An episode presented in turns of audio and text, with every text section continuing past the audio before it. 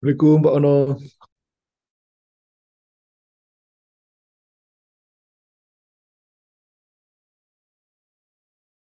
Ya, Waalaikumsalam. Apa? Belum dibaca. Sini.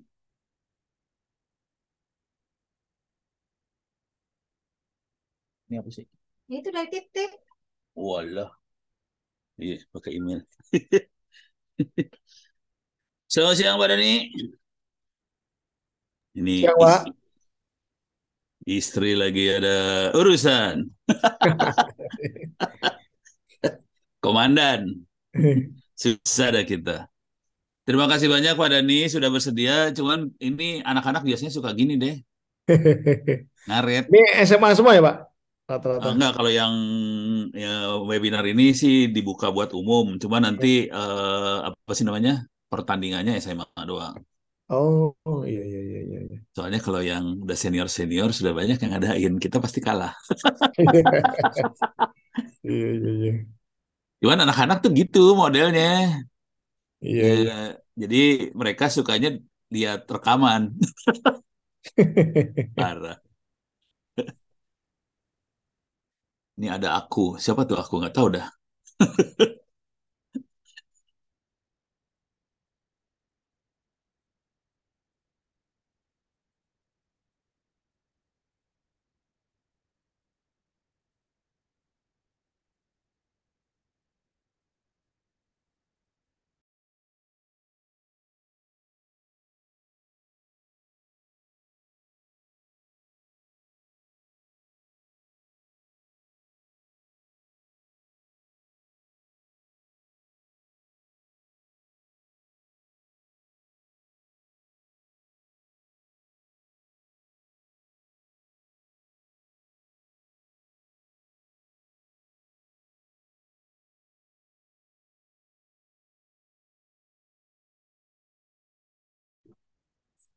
Assalamualaikum, selamat siang, Prof. Wono, Pak Dani.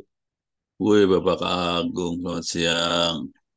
Ini posisi sudah di Siang Lampung juga. atau di... Di kampus, Prof. Wih, rajin. Ngejar Ha, target.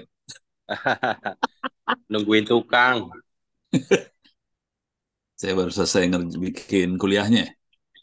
Siap, Eh, siap. lagi nambahin soal. Pak Dani mau ngasih soal juga nggak buat ini CTF-nya? Kalau mau ya monggo. Ini Stres. Pak nanti kuis Pak. Eh, enggak bentuk bentuknya enggak buat CTF CTF Oh buat CTF. buat pertandingannya. Oh Kalau mau ya tanya anak-anak aja. iya iya Pak. Siap siap. Eh, Berapa soal Pak? seikhlasnya. Bukan totalnya yang do ini? Oh, total yang akan dikeluarin. Iya. Eh, kita bang soalnya lebih dari itu ya. Jadi eh, kemungkinan ada tiga session. Session pertama mungkin 20 soal, session kedua mungkin 20 soal, session ketiga CTF beneran. Hmm. Tapi bang soal kita lebih dari itu. Bang soalnya banyak banget. Gitu.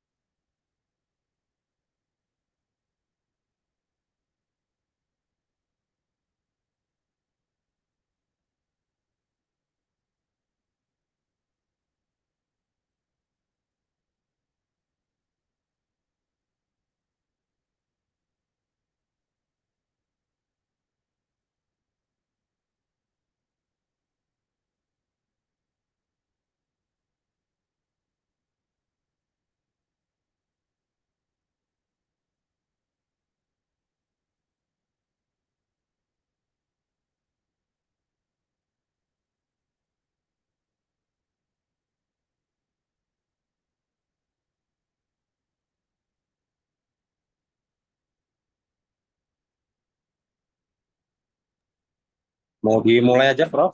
Kalau nunggu penuh nanti seperti biasa, biasanya ramenya nyusul. Ya udah siap siap siap. Eh, ini rekaman kita rekam ya biar Ya, kita rekam. Oke, gas. biar kita eh, ini eh, bisa nonton ntar.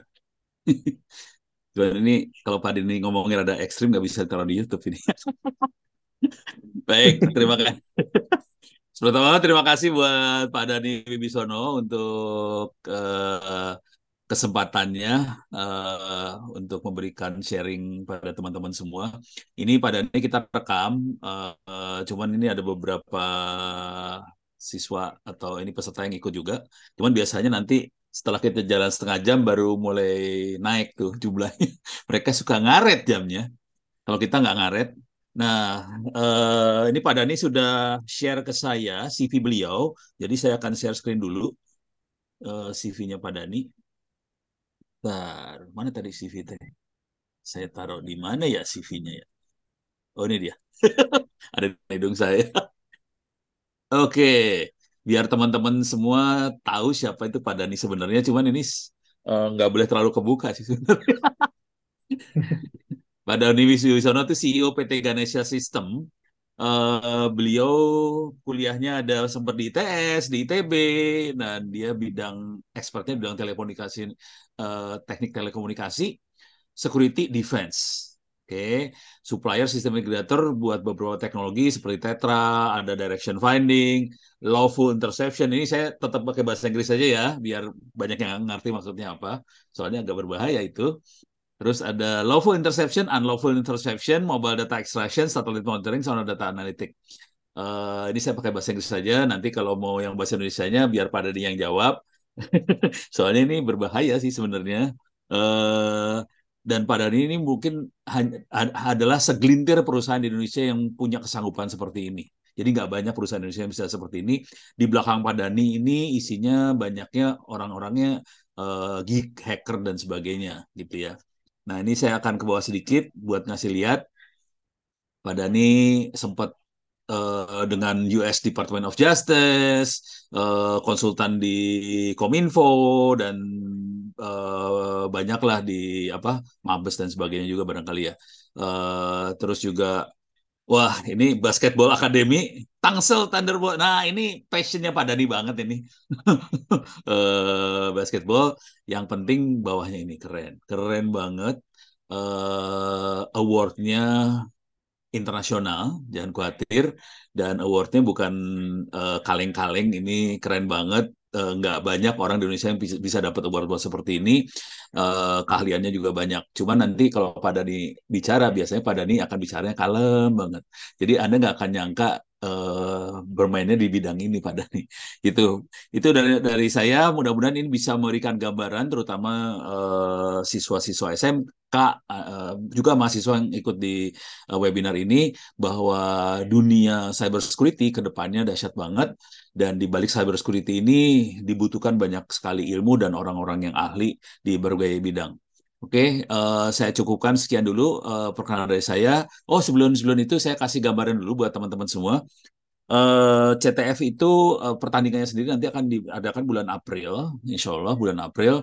Ini dibantu banyak teman, ada dari ITTS, dari TE, dari macam-macam. Uh, ada ICT Watch dan sebagainya soalnya sudah ada, sistemnya sudah ada sih sebenarnya. Insya Allah nanti uh, Pak Agung dan teman-teman juga akan launching mungkin pertengahan Maret ini akan mulai di launching. Anda dikasih kesempatan untuk mencoba uh, icip-icip ngerasain sistem buat uh, pertandingannya seperti apa. Nanti bulan Aprilnya sendiri mungkin kemungkinan akan ada tiga sesi mungkin tapi kalau dua sesi kita sudah dapetin 10 yang jagoan ya sudah dua sesi kalau kurang kita punya sesi cadangan yang ketiga Uh, bentuknya perorangan bukan tim. Jadi CTF-nya ini CTF perorangan bukan tim. Dan nanti sebagian akan bentuknya jeopardy bukan apa attack defense seperti itu. Mudah-mudahan bisa memberikan gambaran karena ini direkam mudah-mudahan nanti teman-teman yang lain bisa uh, dengar uh, dari rekamannya juga. Terima kasih banyak. Uh, sekian dulu mudah-mudahan bisa bermanfaat. Saya kembalikan eh saya kembalikan. Saya persilakan Pak Dani monggo Pak Dani monggo silakan Terima kasih Pak Ono. Eh, selamat siang, Assalamualaikum warahmatullahi wabarakatuh. Waalaikumsalam warahmatullahi Salam. Ya, eh, Pak Ono, terima kasih kesempatannya. Cuman apa, mau lupa saya ngasih foto yang terakhir. Jadi yang foto di eh, flyer itu foto berapa puluh tahun yang lalu, tahun 2013 sih. Ini bukan habis umroh kan? Ini bukan habis umroh. Habis umroh toh? Iya, betul. Oh, pantesan. ya, saya menyusul, insya Allah Iya, minggu depan. Ya, eh, dan teman-teman dan adik-adik sekalian, eh, tadi sudah ada perkenalan dari Pak Ono tentang saya. Jadi, saya berharap di sesi ini dapat memberikan gambaran dan inspirasi bagi adik-adik di SMA eh, bagaimana menjadikan sebuah hobi atau eh, something interest dari masing-masing individu tapi lebih bermanfaat bagi eh, masyarakat banyak. Langsung saja. Kemarin diminta judulnya sama beliau. Ini sebenarnya kalau ada teman-teman yang lain lebih expert banyak di Indonesia. Tapi ini saya, saya coba sharing bahwa menjadi sebuah hacker profesional ini bisa dimulai dari aktivitas yang menurut saya dan meskipun sudah masih SMA tapi in, pelajar tentang hal ini ini saat ini sebenarnya lebih mudah dibandingkan zaman-zaman dulu ya. Mungkin Pak Ono ingat kalau zaman dulu kita di MIRC, ya Messenger, internet sekarang udah lebih cepat, kemudian akses informasi, sharing di komunitas itu juga harusnya Iya. Nah, ini mungkin sedikit gambaran ya buat adik-adik bahwa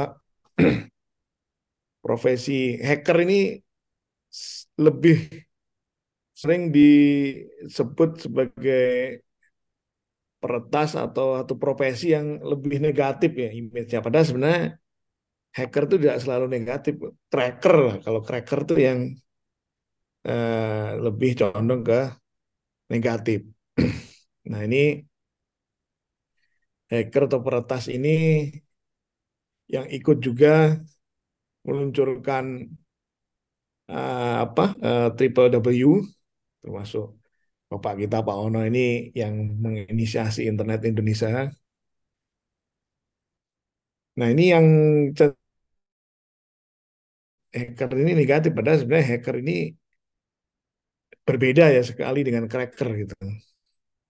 Ini mungkin sebagai pendahuluan dan adik-adik mungkin sudah banyak membaca juga.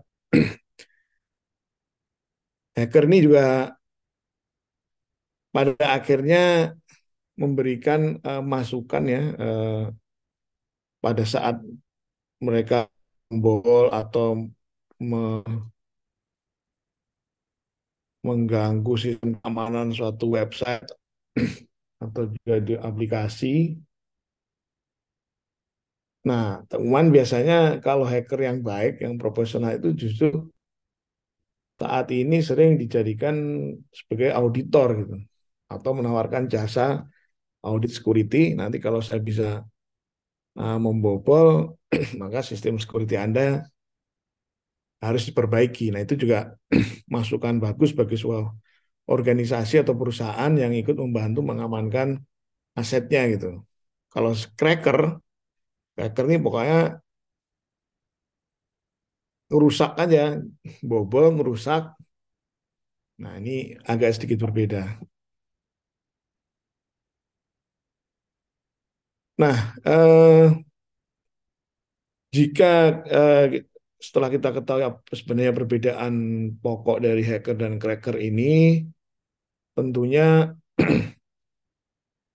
adik-adik udah pasti nggak akan mau menjadi seorang cracker gitu ya, karena pasti saat ini sudah ada undang-undang ITE, kemudian ada undang-undang perlindungan data pribadi, ketentuan uh, pidana kejahatan cyber. Nah, itu juga menjadi cracker selain merugikan diri juga merugikan negara. Saya ingat bahwa berapa puluh tahun yang lalu ya, negara kita sempat di-ban eh, bersama negara-negara lain seperti Ukraina itu karena tingginya fraud atau kejahatan cyber.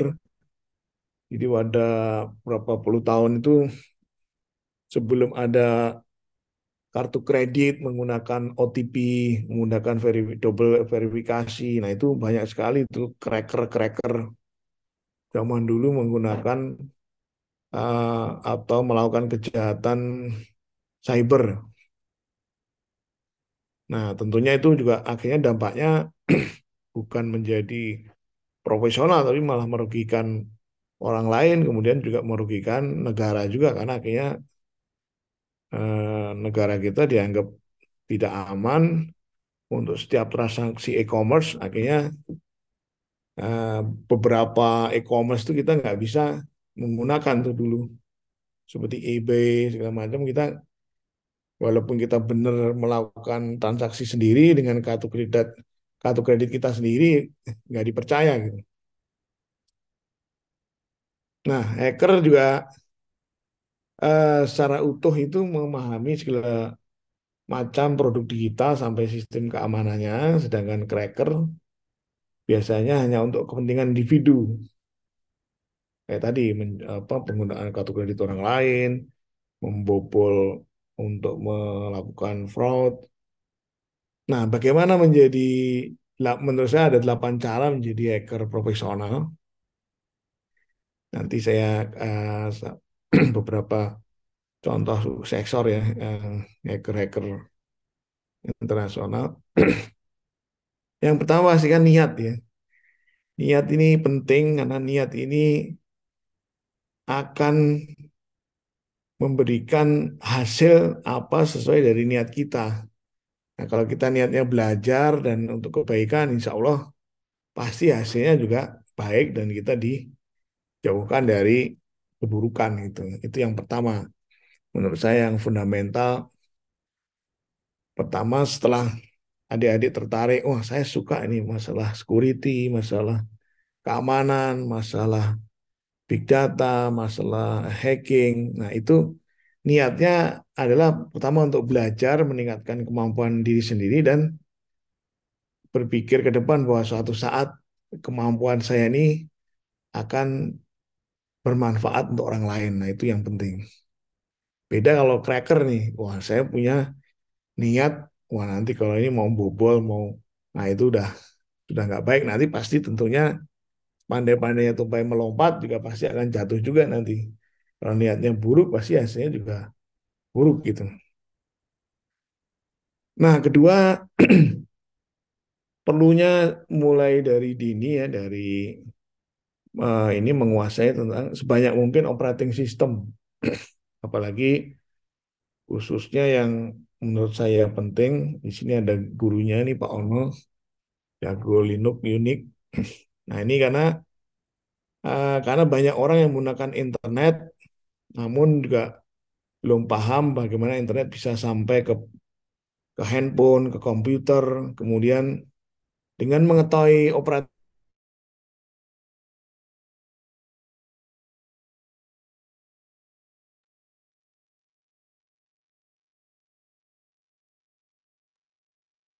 Wah, ke mana nih?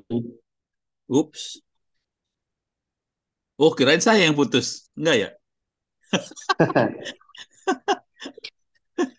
uh, Oke. Okay.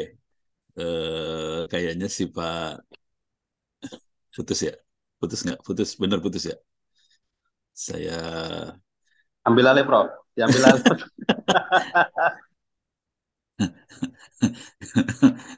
Ambil alihnya gini deh. Sebenarnya slide-nya ada di saya juga sih, cuman ngomongnya beda kalau Ono. slide-nya di saya. Kenapa hard saya jadi kecil? Kok kehabisan space gini hard saya ya? Ah, ini udah masuk lagi nih.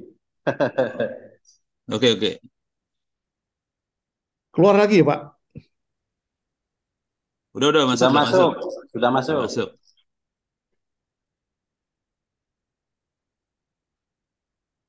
Kena hack kali Pak Dani. Lanjut Pak, Mong- monggo di share screen lagi. Baru sampai nomor dua tadi. Iya,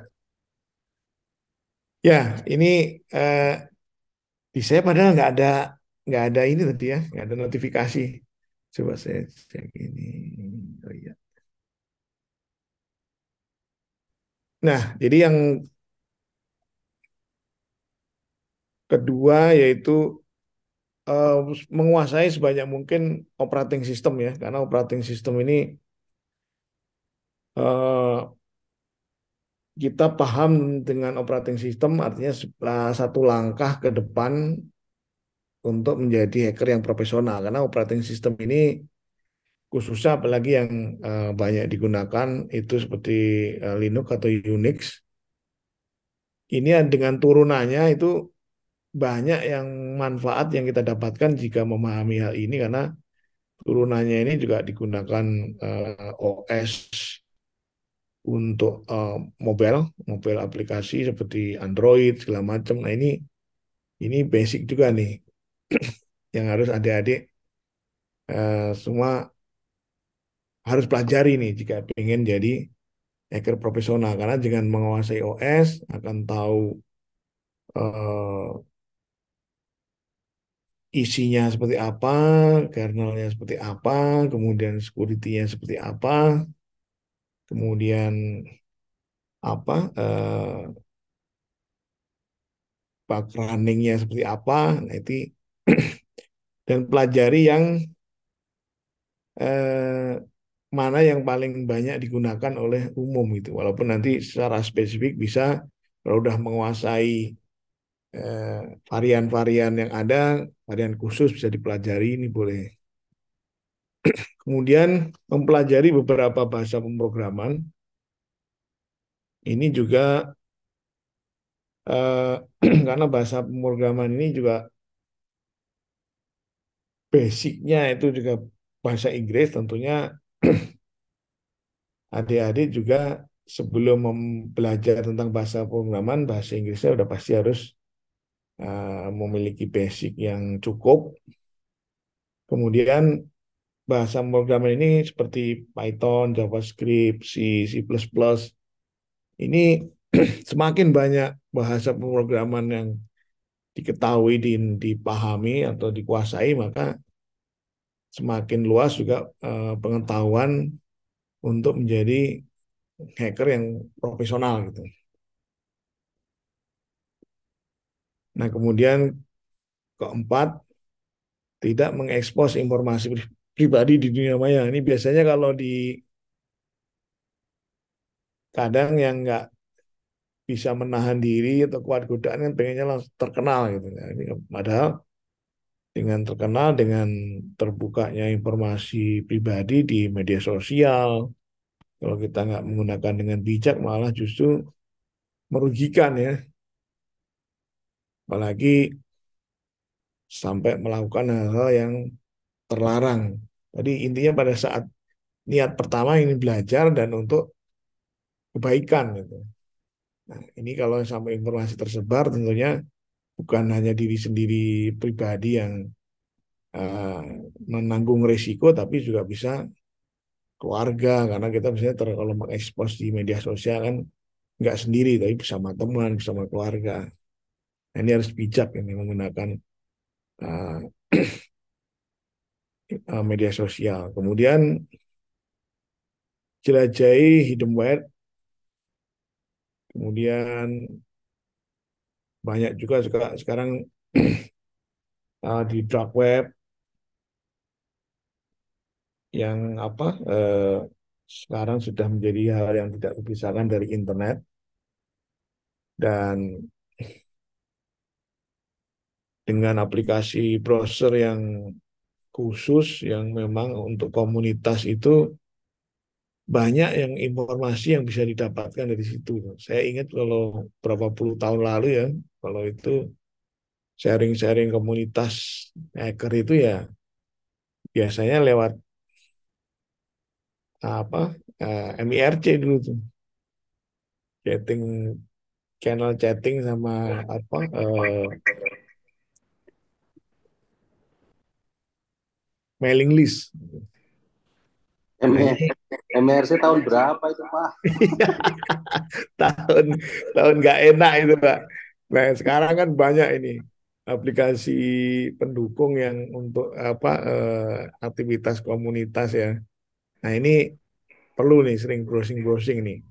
Ini yang yang sekarang jadi tantangan juga kalau di adik-adik punya uh, lihat di handphone ya di screen time di handphone Android maupun uh, uh, Apple coba dilihat kira-kira dalam sehari seminggu tuh paling banyak menjelajahi apa gitu. Saya yakin pasti urutan teratas tuh media sosial tuh, TikTok, eh, Instagram atau medsos yang lain tuh. Nah, ini sekarang diubah menjadi menjelajahi Eh, situs-situs atau menggunakan browser yang mendukung untuk peningkatan kemampuan hacking ini gitu. Karena sekarang mudah, sekarang akses internet cepat, dibawa ke mana aja bisa, nggak perlu harus pakai laptop. Nah ini harus lebih optimal ini uh, alat komunikasinya untuk meningkatkan kemampuan jadi hacker yang profesional.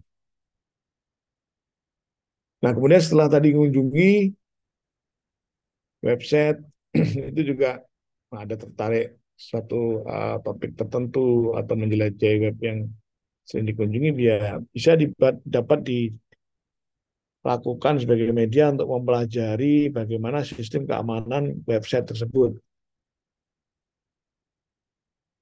Dari tangan-tangan cracker yang tidak bertanggung jawab. Jadi dari diharapkan dari bahan-bahan yang sudah dibaca, kemudian dipelajari, kemudian di, dicocokkan itu dengan dengan uh, fakta yang ada di di internet. Oh ini kalau website ini security-nya begini, begini, begini gitu. Nah kemudian ketujuh adalah uh, melakukan eksperimen dan praktek. Ini yang yang menjadi kunci bahwa eh, setelah mempelajari harus dipraktekkan walaupun prakteknya juga dengan cara yang baik kemudian eh, hati-hati dengan eh, masalah privasi orang dan tidak membuat perbuatan yang masuk kategori kejahatan cyber. Nah ini ini yang digunakan untuk mengasah kemampuan dari apa yang tadi didapatkan dari bacaan-bacaan mengenai uh, security, mengenai hacking. Apalagi kalau uh, sudah juga mulai menggunakan uh, apa aplikasi-aplikasi di ponsel ya, seperti Android kan sekarang open ya. Itu juga bisa dipraktekkan langsung. Nah ini nanti pasti semakin banyak informasi yang dia dapat, kemudian dipraktekkan, kemudian join di komunitas, ini banyak informasi yang di-share. Share yang ada di komunitas ini eh, ilmu-ilmu dari apa teman-teman di belahan dunia yang lain maupun di, di teman-teman komunitas nasional ini menjadi kunci keberhasilan bagaimana eh, adik-adik belajar langsung dari sumbernya gitu ini bisa sharing. Nah ini sekarang ini kan harusnya lebih mudah, lebih gampang, source-nya lebih banyak. Nah ini yang yang menjadi modal awal untuk menjadi hacker yang profesional. Kemudian situs dan bahasa program apa yang harus dipelajari untuk seorang hacker? Ini banyak seperti Cybrary, kemudian Security Tube, atau di YouTube sendiri juga banyak ya yang apa eh, sekarang bisa di dilihat dan ditonton uh, Diblokir. informasi. YouTube diblokir, saya udah di ini tegur. Kemudian uh, ada ADX, kemudian ada Sun Cyber Access, HTML, kemudian uh, JavaScript ya. Ini yang harus menjadi minimal adik-adik pelajari gitu. Kemudian PHP, nah ini kalau di Indonesia nih banyak banget nih pengguna PHP. Nanti saya share ada beberapa ya trik inilah trik dasar yang yang yang bisa digunakan di untuk di face PHP tapi itu hanya contoh apa contoh sederhana ya. Nanti kalau expertnya silakan belajar ke Pak Ono dan teman-teman yang lain yang lebih expert. Nanti eh, filenya saya share di kolom chatting. Nah SQL juga ini. Ini juga penting ya eh, mempelajari. Jadi tidak hanya bahasa pemrograman tapi database juga ini perlu karena dari database eh, relation ini kita tahu oh bahwa oh ini informasi ini eh, pengguna sama rincian dari database akses database-nya ini fitnya apa aja. Dari dari situ juga hacker akan bisa mengetahui oh mana informasi yang terkait masalah uh, user security, kemudian uh, uh, pembatasan akses segala macam untuk database. Nah ini penting juga. Jadi nggak hanya bahasa pemrograman aja, tapi juga database. Nah kemudian dari kisah hacker-hacker profesional itu pada akhirnya kalau bakat mereka ini tidak disalahgunakan eh, dengan cara yang benar, ya mereka akan menjadi profesional yang yang sudah pasti eh, kemampuan mereka dihargai. Kalau yang cara salah ya biasanya kalau sampai apes ya bisa kena pidana banyak juga kan yang yang akhirnya menjadi apa eh, tersangkut pidana cyber gitu. Tapi seperti contoh ini, walaupun namanya mungkin saya tidak bisa ekspos, tapi ketiga ini saya kenal, kenal orang-orang yang mendevelop dan kita pernah kerjasama. Ini seperti Vinspa ini dulu ada dua orang hacker yang akhirnya bekerja sama dengan perusahaan di Jerman, Gamma. Kalau adik-adik bisa lihat di atau browsing di Google ini masuk dari uh, menjadi salah satu software spy yang digunakan lembaga-lembaga negara, lembaga hukum maupun lembaga eh, apa yang terkait dengan pertahanan keamanan, walaupun juga di kalau dibaca banyak isu-isu yang dianggap melanggar uh, ini uh, ketentuan human right. Tapi mereka ini di belakangnya ini awalnya adalah seorang hacker. Nah ini seperti NSO juga, seperti ketahui yang sering di uh, kita baca di media online seperti Pegasus, mana ada, ada hacking team ini sampai mereka uh, memdevelop, uh, exploit sistem untuk operating system di uh, mobile Android maupun di Apple. Nah ini luar biasa itu. Uh, secara komersial tuh seperti Vinspy itu tahun sekitar tahun 2013 ya tahun sebelum masuk di Wikileaks tuh mereka hampir hampir dalam dua tahun tuh mencetak revenue hampir 500 juta euro. Nah, kalau yang nomor dua ini lebih besar lagi ya. Walaupun ya akhirnya sering ber, berbenturan dengan tentuan uh, data protection di setiap uh, union atau setiap negara. Dan duit semua itu, Pak. Ya, Duit iya, semua. betul. Kebetulan saya kenal dan pernah ke eh, apa ke office mereka, ke development mereka, bagaimana mereka mendevelopment eh, key personnya siapa-siapa. Nah itu ngobrol-ngobrol itu mereka dulu awalnya ya dari hobi, iseng, tapi kemudian menjadi eh, sesuatu yang berguna itu. Walaupun ya banyak pertentangan yang di, kita bisa baca di internet dianggap eh, eh, menyalahi ketentuan eh, privacy. Gitu. Ini contoh-contoh.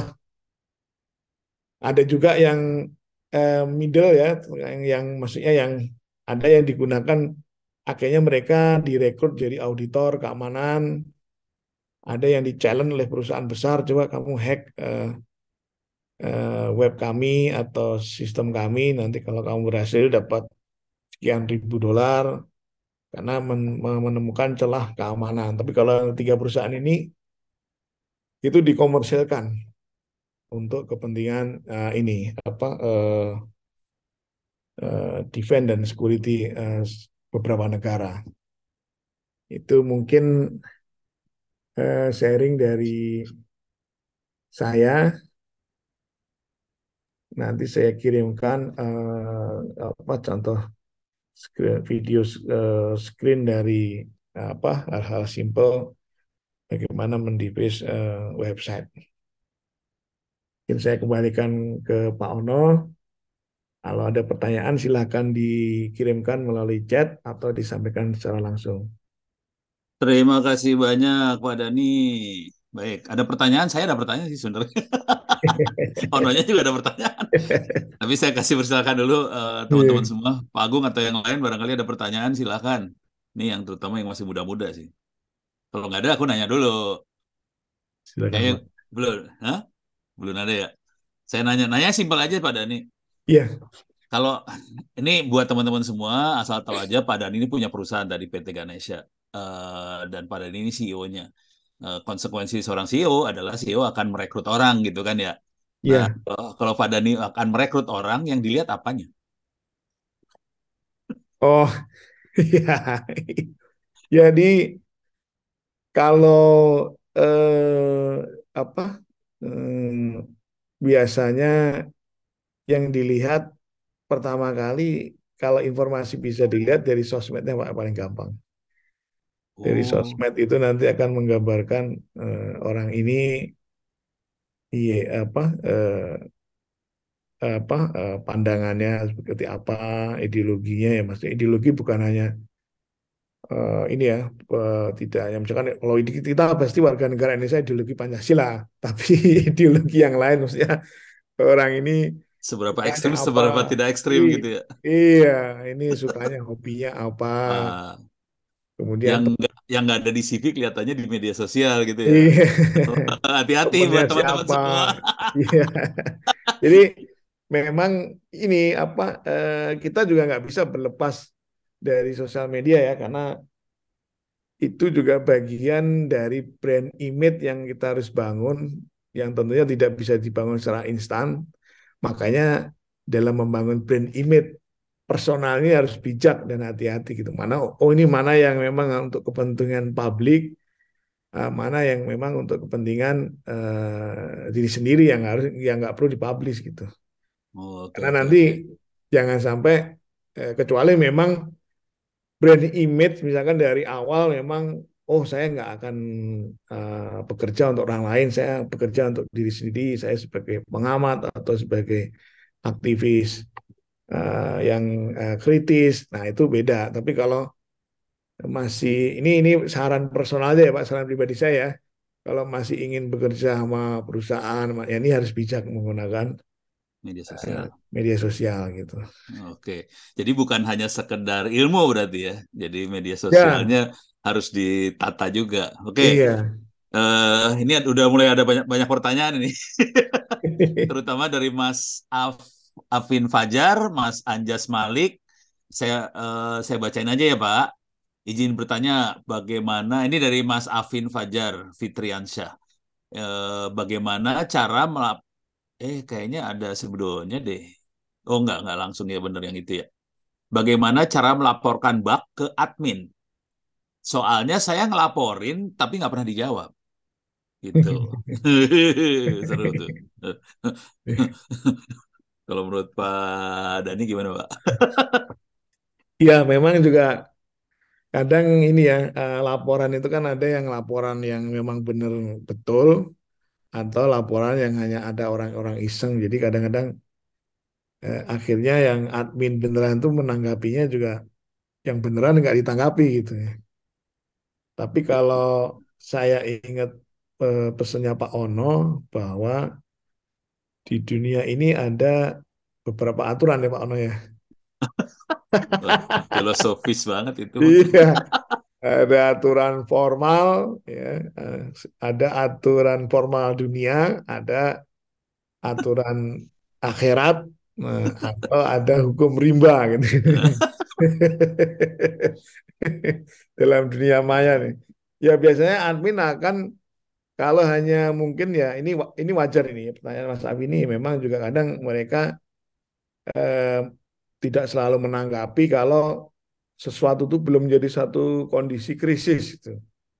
Ya, pada pada kondisi krisis mereka baru merespon. Itu artinya memang eh, kalau cara melaporkan ya biasanya ada ada kontak ya, kontak adminnya di email tapi disampaikan dengan apa eh, dengan bahasa yang baik. Nah ini ini problem eh, yang sering kita jumpai Pak Ono. Banyak adik-adik kita ya teman-teman kita ini eh, brilian nih, pinter di skill tapi tidak tidak eh, kurang jago di komunikasi. Ah komunikasi Sampaikan. berarti. ya. Iya. Jadi akhirnya yang me- eh, menerima informasi itu kadang ini bener atau enggak gitu kan. Karena tadi eh, bahasa yang jadi orang banyak orang pinter tapi belum tentu bisa nulis yang baik atau menyampaikan dengan yang baik, baik tahu tulisan maupun eh, apa eh, public speaking gitu ya. Nah itu itu menentukan juga gitu menurut saya. Oke, terima kasih banyak Pak Dani. Jadi gitu ya, masalahnya komunikasi nih. Kalau boleh ditambahin dikit, kalau bisa ada apa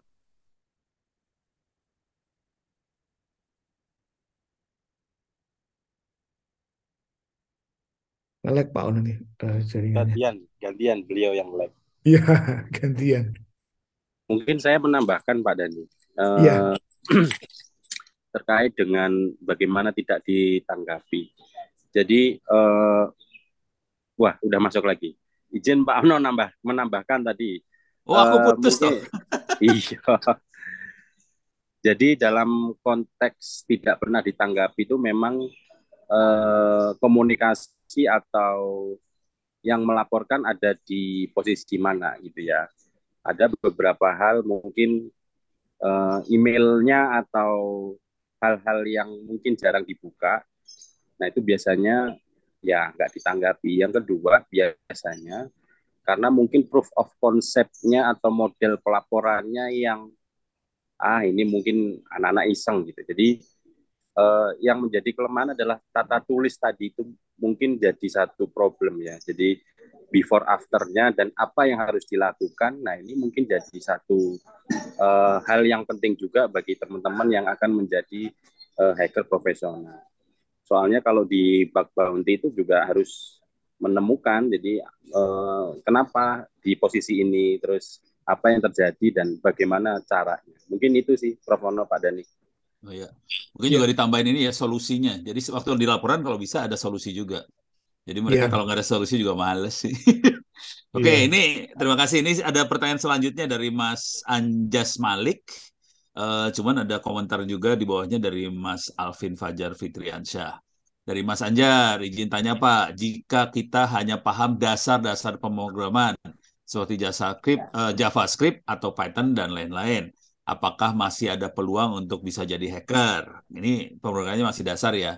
Tapi ada ada komentar dari Mas Alvin Fajar, bisa Mas, karena semua bahasa pemrograman bisa dibuat exploit.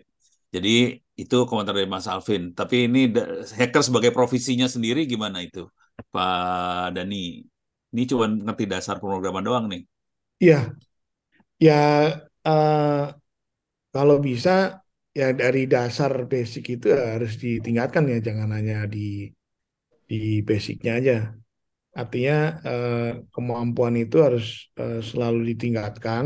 Betul kata tadi yang eh, Mas Abin bilang bahwa semua bahasa pemrograman itu bisa dibuat exploit, tapi juga seiring dengan perkembangan uh, uh, sebuah pemrograman atau sebuah sistem juga, mereka juga akan selalu mengupdate uh, security-nya. Jadi exploit-nya juga uh, udah pasti akan ketutup uh, dengan software patching yang baru. Nah ini udah pasti kalau kemampuannya nggak ditingkatkan, nggak akan mengikuti versi-versi yang terbarunya gitu itu juga yang yang diperlukan. Karena seperti uh, software-software uh, apa uh, intrusion ya yang sering digunakan itu juga itu mengikuti uh, exploit yang digunakan dan mengikuti versi yang yang ada di rilis terakhir. Kemudian pada saat rilis uh, update-nya diupdate ya biasanya exploitnya nggak bekerja Nah, ini yang yang yang sering uh, terjadi di di apa di um, apa uh, fakta empirisnya yang terjadi di lapangan itu. Jadi memang harus selalu ditingkatkan. Kalau saya ingat banget bahwa sekitar 10 tahun, 15 tahun yang lalu itu uh, banyak exploit-exploit yang diciptakan itu di attach di file PDF kemudian di di apa di file uh, titik doc. Akhirnya tapi seiringnya perkembangan security dari Office Microsoft Office sendiri misalnya contohnya atau di dari PDF sendiri akhirnya dia merilis patching yang exploit itu kalau di attach di di file PDF atau file Word udah nggak bekerja lagi gitu. Kita juga mengikuti uh, antivirus juga antivirus kan selalu mengupdate untuk menutupi celah-celah uh, keamanan dan mendeteksi virus-virus yang terbaru. Itu menurut saya Pak Ono. Oke, terima kasih Pak Dani. Oh, ini udah terima kasih semua nih isinya. Mas Anjar sama Pak uh, Baik, sambil nunggu barangkali ada pertanyaan terakhir. Saya saya pengen tahu aja Pak Dani. Ini kalau Pak Dani rekrut orang tuh sekolahnya eh, rata-rata eh, sebagian besar backgroundnya apa ya? Awal masuk ya. Awal masuk backgroundnya apa? Apakah harus S2, S3, eh, sarjana atau apa yang diutamakan dari sisi pendidikan dengan pendidikan ya? Iya. Kalau eh, pendidikan ada ya Pak, ya, tim saya itu yang malah backgroundnya bukan orang uh, elektro ya, elektro atau informatika, malah uh, teknik sipil. Tapi kalau iya, tapi dia belajar pemrograman, apa belajar OS juga, belajar pemrograman dari saya ingat karena kita teman dari semester eh, pertengahan semester tuh dia udah memang hobi ngoprek istilahnya. Nah itu juga pendidikan formal menurut saya nggak jadi nggak jadi, jadi ukuran itu. Bahkan ah. ada yang uh, salah satu tim yang ya ada tiga orang yang malah sekarang lagi kuliah. Oh berarti lulusan SMA SMK gitu masuknya? Iya, ada yang ada tiga orang kalau nggak salah. Kemarin ada yang dua orang udah selesai skripsi wisuda. Oh jadi mereka kuliah sambil kerja ini ya? Betul, karena. Oh oke. Okay. Ya, kita karena uh, kita juga karena ada kerjasama dengan uh, perusahaan di luar yang teri, apa ada selisih waktu uh, 8 jam, ada 12 jam. Jadi teman-teman yang uh, development ini juga kayak orang lab Pak Ono, sukanya melean. Oh, jadi waktunya kebalik. Kerjanya malam, nanti uh, pagi tidur sekolah. Ya, oh, sekolah. Buset. Iya. Kapan iya, tidurnya iya. itu? Ada yang juga ngambil kelas uh, weekend itu. Oh alah. Iya iya. Jadi kalau menurut saya kalau di dunia dunia ini ya tetap ya kalau eh, ini yang harus eh, bukan berarti kita mengindahkan pendidikan formal, pendidikan formal penting, tapi ilmu yang didapat harus dieksplorasi sendiri di luar eh, kuliah. Iya sih. Dan kuliah sambil kerja pun sekarang hampir rata-rata perusahaan juga uh, ini apa uh, membuka kesempatan yang sama. Asal tadi ya skillnya. Belum tentu yang lulusan S1 S2 tapi kalau nggak punya skill nggak bisa ngomong nggak bisa nulis uh, ini juga nggak harus bisa dikalahin yang masih kuliah juga. Tapi kalau dia punya kemampuan bisa membagi waktu uh, bisa malah posisi dan uh, benefitnya lebih besar yang dibanding tadi S2 gitu. Bus. Itu Kalau perlu saya, ya teman-teman. Iya, intinya yang buat adik-adik ya sudah pasti kalau uh, di kuliah pendidikan formal uh, uh, akan menerima ilmu dari bidangnya masing-masing ya di kuliahan, uh, pemrograman, cuman basic nanti yang lainnya dipelajari sendiri. Yang harus diingat kalau menurut saya jangan lupa juga belajar menulis, menuangkan pikiran di tulisan atau membuat eh, laporan, tulisan atau menya dan menyampaikan pemikiran atau konsep yang dimiliki atau ilmu yang dimiliki untuk dipahami orang lain atau public speaking karena kita sepinter apa pun juga kalau disimpan sendiri nggak bisa disampaikan ke orang jadi orang mengerti, jadi orang paham, apalagi kalau di kantoran.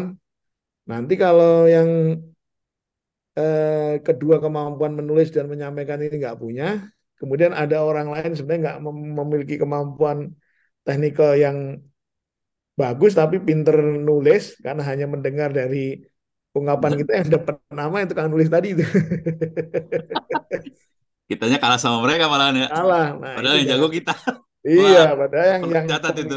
itu cuman yang nulis tadi pinter dengerin dulu. Oh, ini ini kenapa ya? Nah, itu yang sering terjadi gitu. Kalau di swasta mungkin lebih ini ya karena kan nggak ada birokrasi, ya itu masih gampang ketahuan kalau ada yang oh ini hanya pinter nulis. Tapi kalau di dunia yang lain mungkin di tempat yang lain belum tentu kan. Kadang kan eh, level interaksi antara apa pegawai menengah bawah sama apa manajemen kan nggak ada langsung komunikasi nih nah itu nggak akan terekspos itu jadi Wah, itu.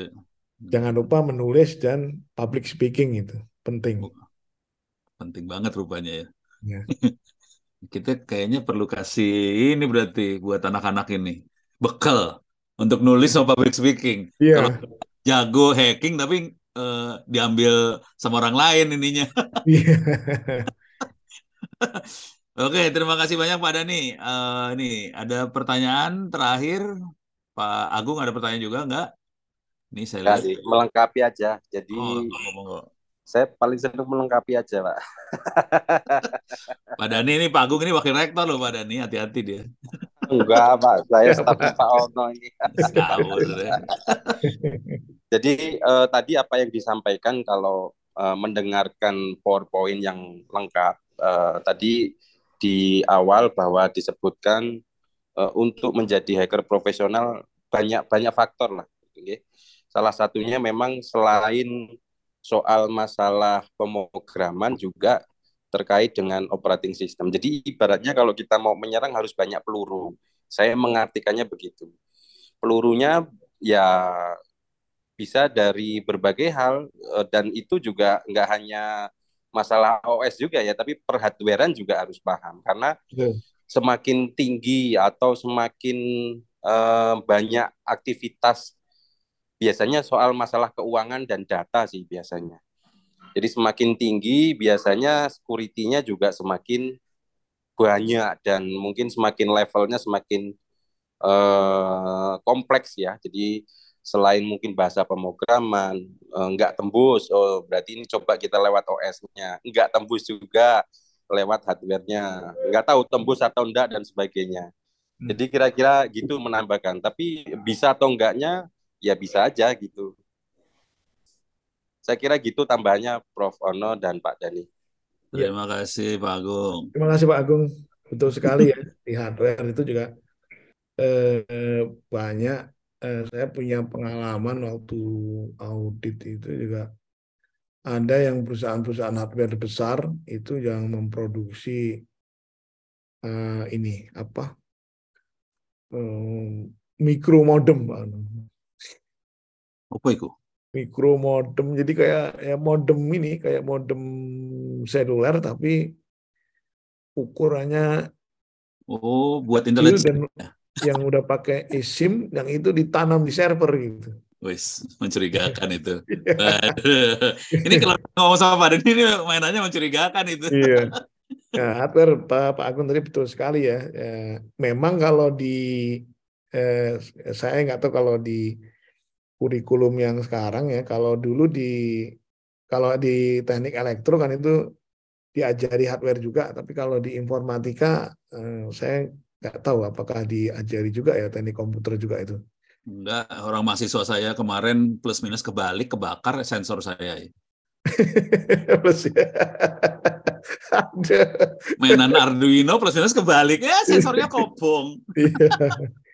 Ya memang hardware sekarang juga sebenarnya lebih uh, dengan apa Google akses internet cepat, kemudian gampang browsing-browsing. Jadi hardware juga jangan berharap harus mendapat uh, kuliah mata kuliah formal, tapi belajar di sendiri juga bisa gitu. Kayak Bapak kita ini Pak Ono ini dulu sebelum orang berpikir menggunakan modem radio, beliau udah ngoprek-ngoprek sendiri radio orari udah bisa transmit eh, data gitu.